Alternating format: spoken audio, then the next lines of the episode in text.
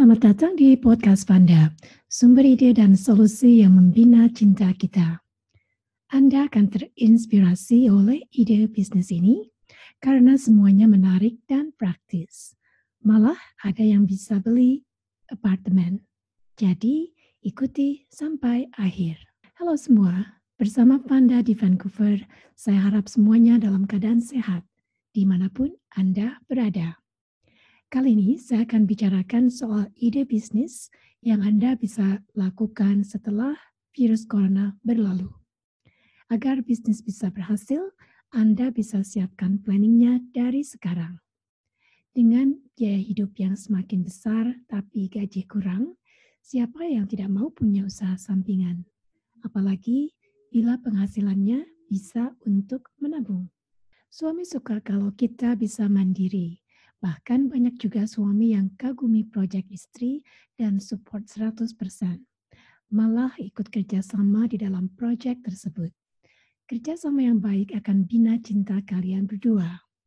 Untuk yang masih single, ini kesempatan kerja dengan teman-teman dan mungkin ketemu jodoh saat berwira swasta. Nasib orang, siapa tahu. Sebelum saya lanjutkan, ada tiga prinsip yang perlu diingat. Prinsip yang pertama, tidak ada bisnis yang langsung besar. Semua diawali dari yang kecil. Jadi jangan takut memulai. Prinsip yang kedua, persiapan harus mantap, termasuk kalkulasi dan proyeksi antara biaya dan penghasilan untuk lima tahun mendatang. Asalkan Anda terus kreatif dengan kemampuan mengelola, kerja keras, dan tekun memasarkan, pasti bisa sukses. Prinsip yang ketiga, orang lain mungkin akan melakukan yang sama, tapi mutu jenis servisnya, harga serta lokasi, dan target pemasaran akan berbeda. Dengan demikian, persaingan itu perlu dijadikan semangat untuk lebih maju lagi. Nah, ini dia bisnis, ide bisnis yang ditunggu-tunggu. Ide yang pertama, menyewakan tanaman. Saya pernah bertemu dengan wanita pembersih gedung tempat saya kerja dulu di Kanada ini. Seminggu dua kali saya lihat dia bersihkan tiap ruangan. Perusahaan tempat dia kerja punya kontrak dengan yang punya perusahaan saya. Setelah selesai, dia berkeliling ruangan kantor sekali lagi. Kantor yang terdiri dari empat lantai. Ternyata dia keliling sekali lagi khusus untuk sirami tanaman. Dan yang mengagumkan, dia pemilik seluruh tanaman di kantor itu. Entah berapa jumlah tanaman yang dia sirami dan rawat seminggu sekali. Rupanya bisnisnya berkembang sampai dia punya dua tenaga yang menolongnya untuk di dua perusahaan lain. Dari bisnis ini, ia berhasil mengumpulkan uang dan beli dua apartemen. Satu untuk tempat tinggalnya dan yang lain dikontrakan. Jadi kalau hobi Anda menanam tanaman, bisa dijadikan penghasilan sampingan. Mungkin awali di pekarangan maupun beranda rumah. Katakanlah ada 40 jumlahnya dan ada 8 macamnya yang cukup disirami mungkin lima hari sekali. Perkiraan saya dengan 40 tanaman tersebut bisa disewakan ke empat perusahaan. Kantor-kantor yang sibuk akan menghargai jenis jasa seperti ini dan pasti mau taken kontrak dengan Anda.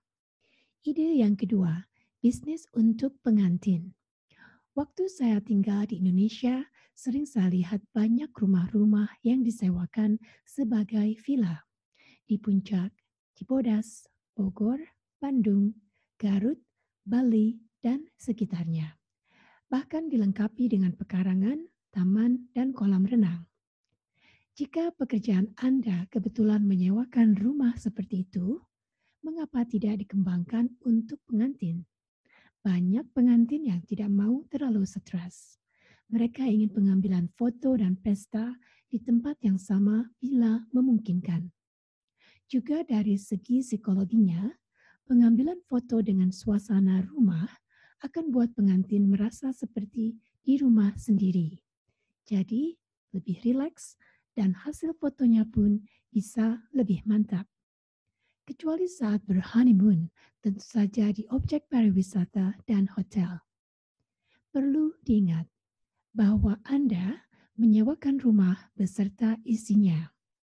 Karena seperti menjual rumah tanpa dekorasi dan isinya agak lebih lama untuk jualnya. Mereka lebih tertarik bila sewa dalam keadaan lengkap. Bayangkan transformasi rumah ruang tamu menjadi studio, 2 sampai 3 kamar tidur dengan dekorasi dihias berbeda untuk memberikan pilihan sesuai selera dan budaya pengantin satu ruang besar untuk catering seandainya di luar hujan. Peluang untuk Anda bekerja sama dengan desain interior, wedding planner, fotografer, penyewaan mobil pengantin, catering untuk makanan, dan sebagainya. Bayangkan berapa banyak penghasilan Anda dalam setahun dari 50 pasangan pengantin yang menikah dari jenis bisnis ini. Lumayan kan? Ide ketiga, tenaga perawatan rumah dan sekitarnya. Rumah perlu dirawat, tapi banyak suami istri yang pikirannya sama seperti saya, tidak bisa memanjat mengganti genting yang pecah, mencat rumah, betulkan kulkas, persediaan air panas untuk mandi, bersihkan got-got di luar rumah, dan lain-lain. Juga orang tua yang tidak punya anak atau jauh dari anak, tidak ada yang bantu mereka atap bocor ditunggu terlalu lama akan merusak kayu-kayu dan sekrupnya pun akan karatan. Belum lagi dindingnya akan berlumut dan perlu dicat. Bila Anda punya keahlian beragam seperti ini, bisa dijadikan penghasilan tambahan. Bergabung dengan dua atau tiga orang akan lebih baik lagi.